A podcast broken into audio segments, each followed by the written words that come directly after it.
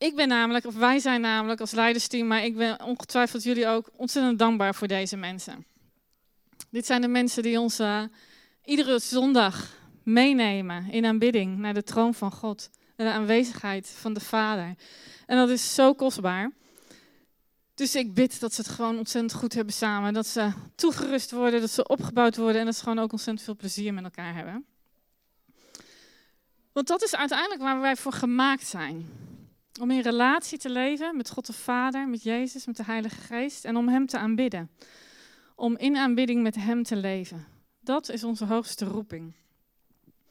En in Hebreeën staat dat wij zonder schroom, dus zonder enige terughoudendheid, dicht bij de Vader mogen komen door ons geloof in Jezus. Hebreeën 4, vers 16. Laten we dus zonder schroom naderen tot de troon van de genadige, waar we telkens als we hulp nodig hebben, barmhartigheid en genade vinden. En over dat naderen tot God, over het komen in de aanwezigheid van de Vader, wil ik vandaag met jullie spreken. En dat naar aanleiding van het verhaal van de tempelreiniging. En dat verhaal, dat kennen jullie misschien wel. Het staat in alle vier evangeliën beschreven. Het Joodse paasfeest is op komst. En Jezus gaat naar Jeruzalem om dat feest te vieren. En hij komt bij de tempel en het plein staat stampvol met mensen. Handelaren, geldwisselaars, duizenden mensen die kochten en verkochten. Hij zag dieren op honderden plekken, duiven, schapen, runderen. En die tafeltjes met allemaal mensen erachter om vreemde valuta te wisselen. En er zijn beschrijvingen die vertellen dat in één paasweek 255.000 lammetjes werden verkocht geofferd in de tempel. 255.000. Dus het was big business wat daar gebeurde. En wanneer Jezus dat ziet, wordt hij boos. De woede vlamt in hem op en hij jaagt iedereen weg. Alle verkopers, al hun klanten. Hij gooit tafels om, hij gooit stoelen om. En hij heeft een scherp verwijt. Dat de mensen een rovershol hebben gemaakt van een gebedshuis. In Marcus 11 lezen we daarvan. Marcus 11, vers 15 en 16. 15 tot en met 17. Ze kwamen in Jeruzalem. Jezus met zijn volgelingen. Ze gingen de tempel binnen en begonnen iedereen die daar iets kocht of verkocht weg te jagen. Hij gooide de tafels van de geldwisselaars en de stoelen van de duivenverkopers omver. En hij liet niet toe dat iemand voorwerpen over het tempelplein droeg. En hij hield zijn omstanders voor, staat er niet geschreven, mijn huis moet voor alle volken een huis van gebed zijn. Maar jullie hebben er een rovershol van gemaakt. Het gaat met een enorme felheid en met fysieke kracht. Hij is echt boos en dat, dat proef je. Die tafels omver, stoelen omver. En misschien duwt hij en gooit hij ook nog wel wat mensen omver. En moet je je voorstellen, al die duizenden mensen op dat plein. Weet je, je kent misschien wel die beelden van, uh, van de beurs, van de, uh, van de handelaren. Het is een ontzettend gekrioel en een ontzettende herrie. Allemaal mensen en heel veel gedrang. En, en zoiets moet je erbij voorstellen. Maar dan zonder de computerschermen, maar met allemaal tafeltjes en allemaal dieren. Wil je zo'n setting tot stilte brengen, dan moet je je goed laten gelden. Dus hij moet geschreeuwd hebben voordat hij gehoord werd. En dat zou waarschijnlijk niet iedereen gelukt zijn. Ik denk dat het mij niet gelukt zou zijn. Daar moet je wel wat autoriteit voor hebben. Wil je de, mensen in deze chaos en deze drukte tot stilte brengen, en wil je dat deze mensen naar jou gaan luisteren, dan moet je wel wat autoriteit hebben. Maar dat heeft hij. Want dit is Jezus. Dit is degene naar, wie de wind en de golven en de storm luistert. En uiteindelijk hij alles stil. Niemand mocht zelfs nog maar iets over het tempelplein heen dragen. Hoe moet dat geweest zijn om daar te zijn? vanuit die chaos, vanuit die drukte, ineens stilte? Zou je ongemakkelijk voelen? Zou je een beetje bang worden voor die man die, die met zoveel autoriteit daar spreekt? Zou je bang zijn dat je iets niet goed hebt gedaan? Misschien ben je wel heel erg onder de indruk van deze man, van zo'n autoriteit. De hoge priesters en de schriftgeleerden weten in ieder geval niet wat ze met hem aan moeten. Door deze actie brengt Jezus de boel echt flink op spanning en dat op hun terrein. Wie denkt hij wel niet dat hij is? ze zien het gevaar. Ze kennen deze Jezus en ze zijn bang voor hem. En ze zijn bang voor wat hij onderwijst en ze zijn bang voor al zijn volgelingen en wat dat allemaal teweeg kan gaan brengen. En daarmee wordt deze gebeurtenis mede de aanleiding van zijn arrestatie. In Marcus, 18, uh, Marcus 11, vers 18 lezen we verder. De hoge priesters en de schriftgeleerden hoorden wat er gebeurd was en zochten naar een manier om hem uit de weg te ruimen. Ze waren bang voor hem, omdat het hele volk in de ban was van zijn onderricht. Dus ze hadden wel door dat dit iemand was die invloed had. En deze gebeurtenis leidt dus uiteindelijk tot zijn arrestatie, tot zijn dood en tot zijn opstanding. En het is daarmee de opmaat voor het leidersverhaal. En het is de opmaat naar Goede Vrijdag en Pasen. Het is het begin van het einde. Of het begin van het begin. Het is maar net hoe je ernaar kijkt. Maar wat gebeurt hier nou eigenlijk? Er zijn verschillende manieren om naar dit verhaal te kijken. Maar laten we nou eerst eens even gaan kijken van wat gebeurt er nou eigenlijk allemaal precies op dat plein. Want vaak wordt er gekeken naar alle handel die er gedreven werd. En dat de woede van Jezus zich richtte op de commercialisering van, het, van de tempel, of de hebberigheid van de, uh, van de geldwisselaars. Maar je kunt je afvragen of wat er op dat plein gebeurde echt tegen de wet en tegen de wil van de profeten in was. Want dan zouden de priesters, de schriftgeleerden en de fariseeën ze toch wel verboden hebben. En in hoeverre is het ook niet gewoon goede service om op dat plein de mogelijkheid aan te bieden om uh, te kunnen offeren, om een duif te kunnen kopen of een lam te kunnen kopen? De wet schreef voor dat een dier dat geofferd werd zonder enig gebrek moest zijn.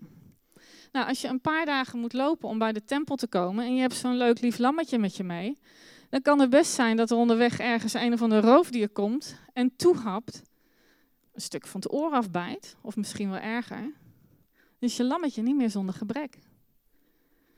En een paar van die duiven in zo'n mandje, een paar dagen lang onderweg. Ik weet het niet hoor. Als ik zie wat, uh, wat een half uur in zo'n mandje voor mijn kat betekent als we naar de, naar de gaan. Ik denk, ik denk dat het de gelegenheid bracht voor mensen om een dier te kopen zonder gebrek.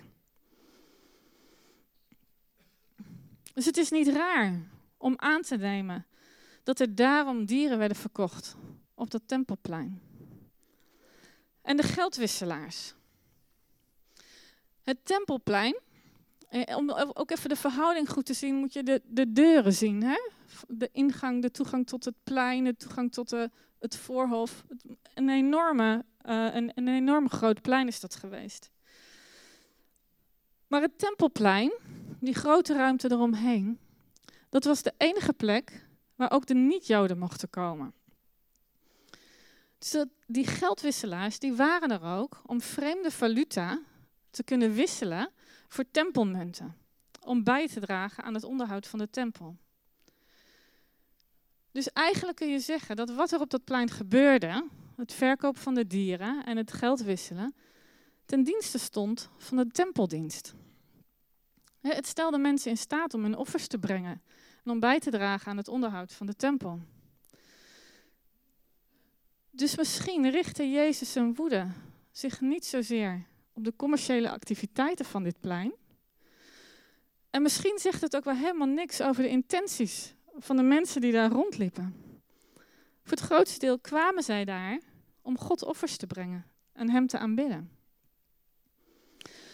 Misschien gaat de woede van Jezus niet zozeer over wat daar gebeurt, maar misschien richt het zich op waar het gebeurt. De ruimte die ze bezet houden.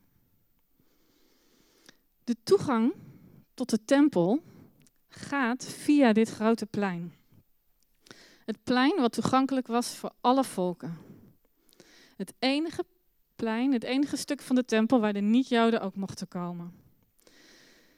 Het was het grootste gedeelte van het tempelcomplex en je moest daar overheen om bij het heilige te komen, om in de voorhof te komen. En in het midden van de tempel, hè, dat is de voorhof, die grote kubus, daar is het heilige en het heilige der heiligen. En dat was de plek waar God woonde. Dat was de plek van Gods aanwezigheid.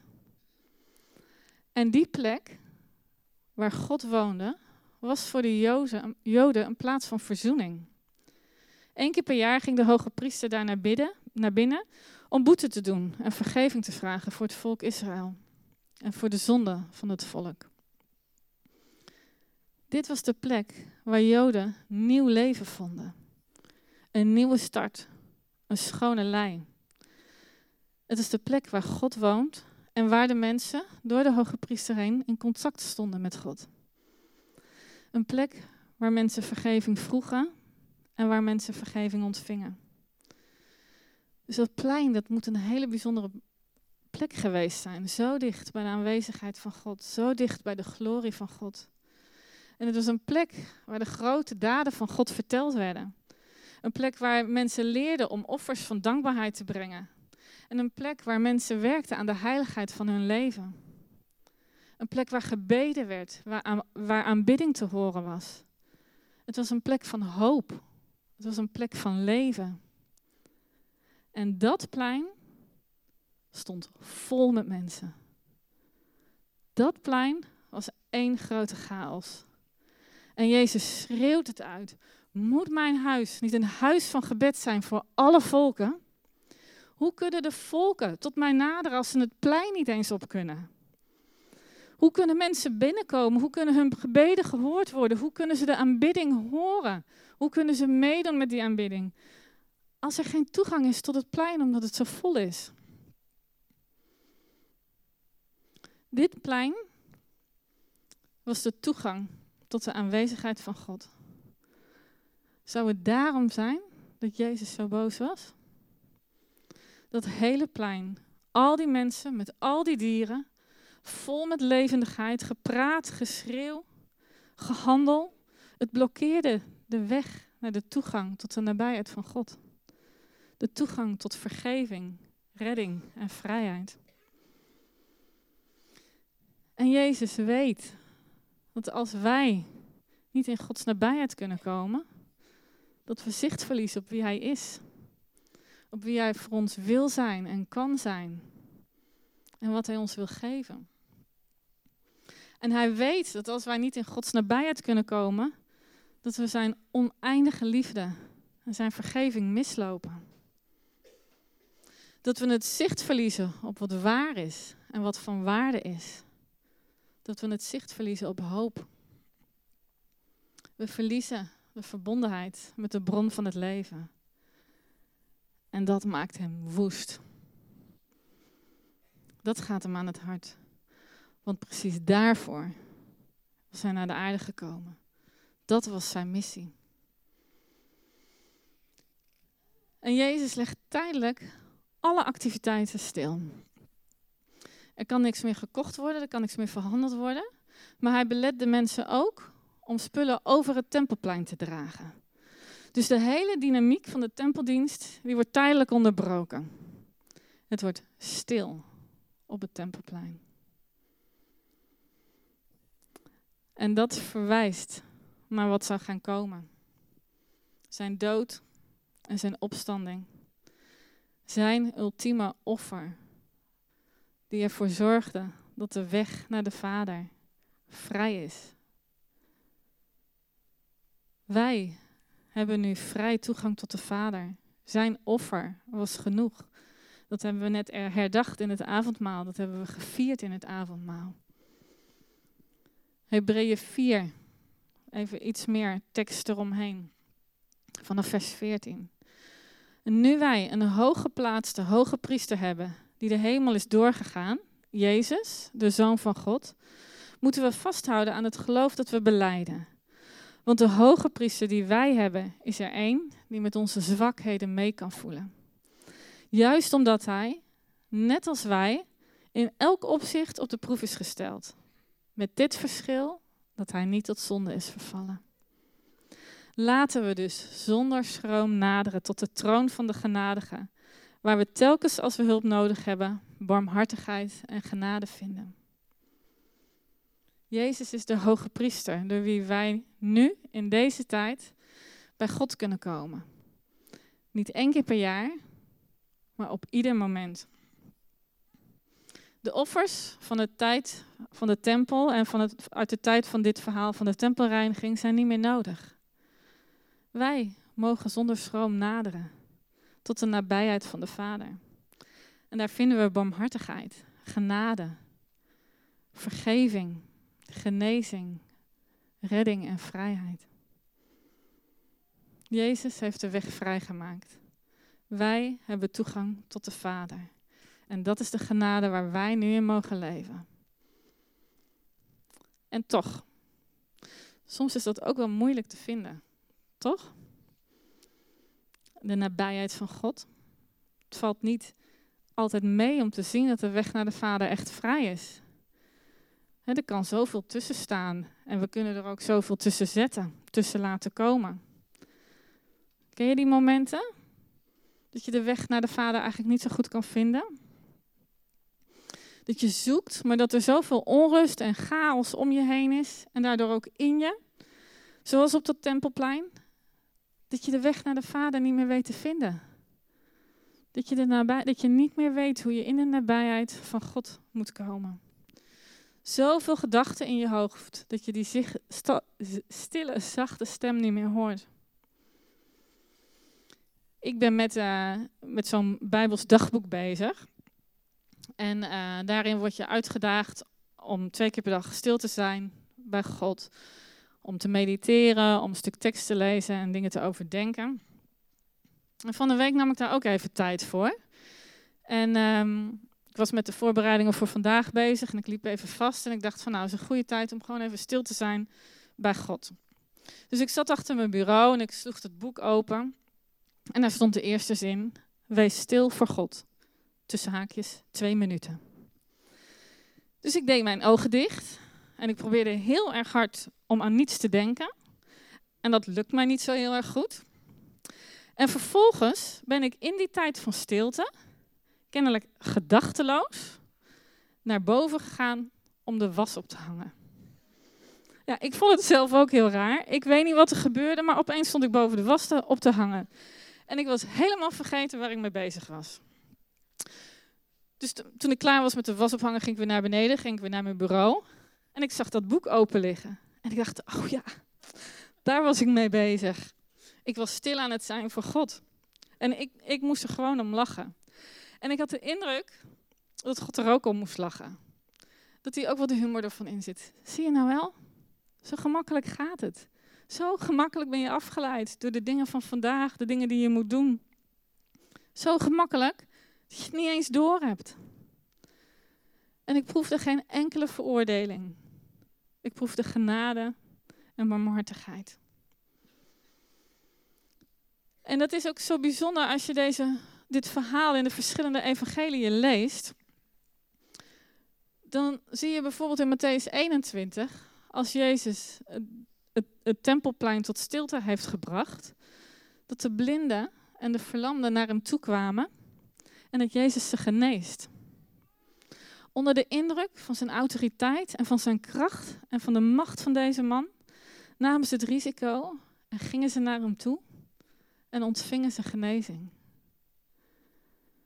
En Lucas beschrijft na dit verhaal dat Jezus onderwijs gaf in de tempel. Dus in de stilte, na, na dit moment van, de, van, het, van het vrijmaken van het tempelplein, is hij in de tempel om onderwijs te geven. Hij leert ze de dingen van God. Hij leert ze wie de Vader is en hoe hij de dingen ziet. Hij geeft ze zicht op waarheid.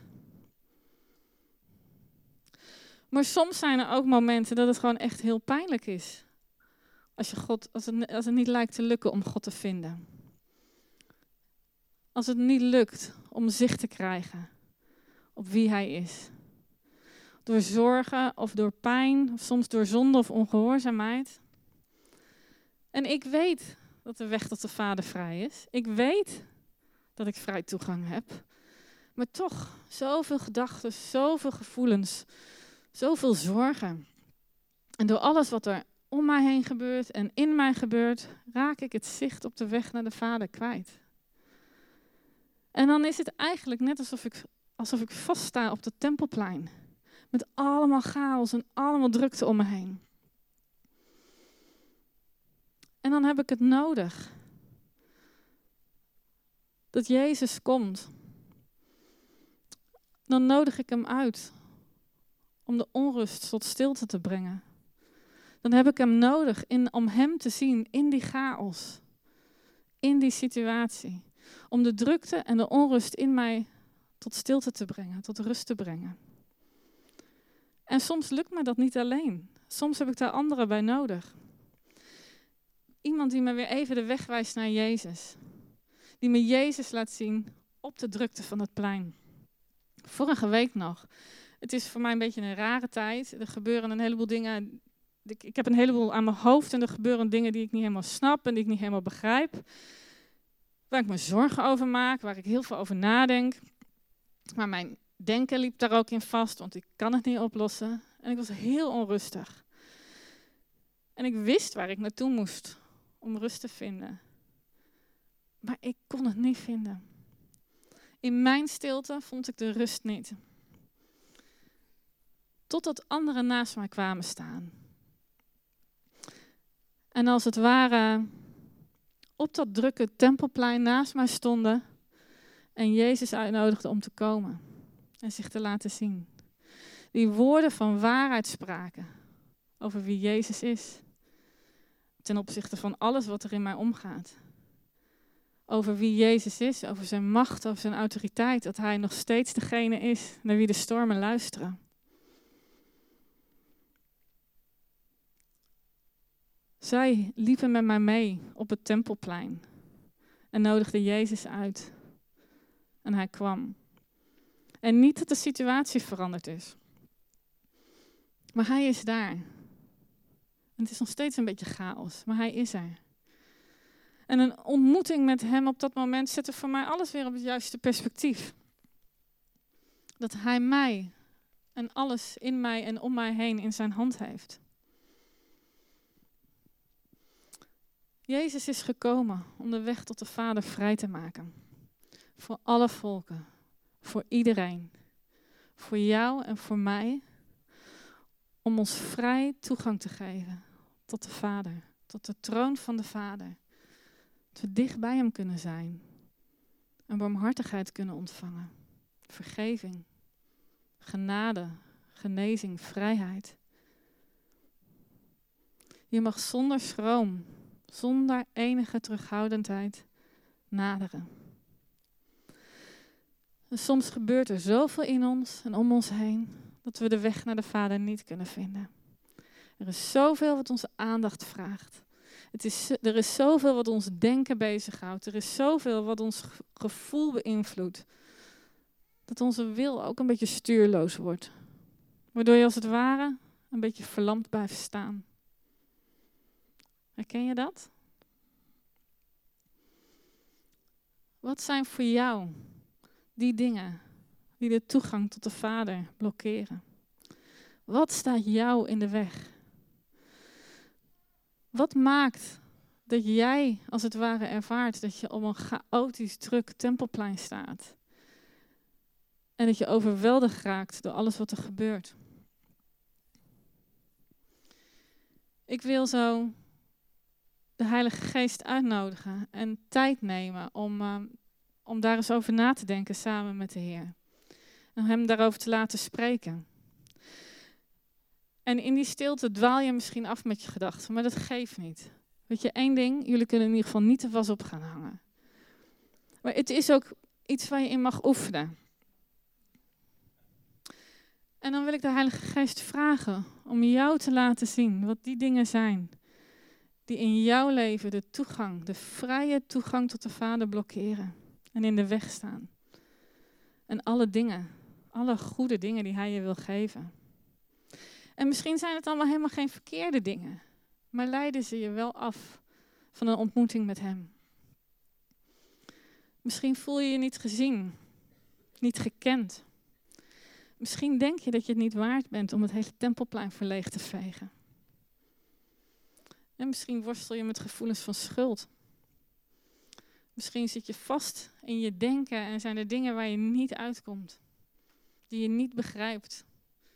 En die houden je bezig, misschien wel dag en nacht. Of misschien zijn er omstandigheden in het nu of uit het verleden die zo pijnlijk zijn of die zoveel vragen oproepen. Dat ze je aan twijfelen brengen. En misschien twijfel je wel aan Hem. We mogen zonder schroom naderen.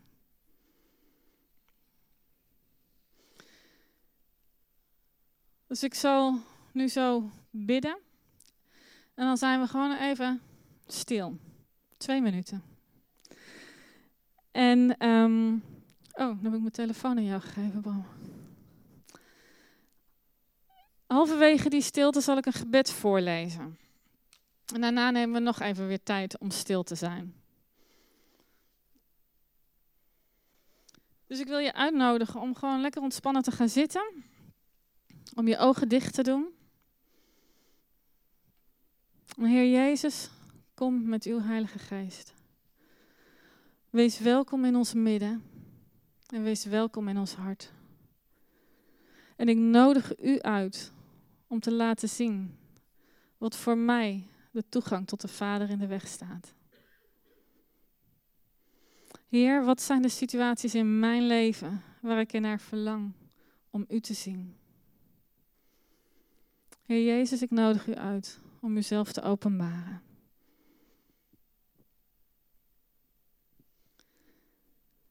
Ik heb het nodig, Heer, dat u de weg vrijmaakt, zoals u deed op het tempelplein. Dat u opruimt wat er niet toe doet, wat in de weg staat van de stilte die is gevuld met de tegenwoordigheid van God. Ik heb het nodig, Heer, om u te zien, dat u zich openbaart in mijn chaos, in mijn drukte, in alles wat om mijn aandacht schreeuwt. Omdat u mij aanraakt met uw waarheid, met uw genezing, dat u mij uw genade geeft. Kom, Heer Jezus.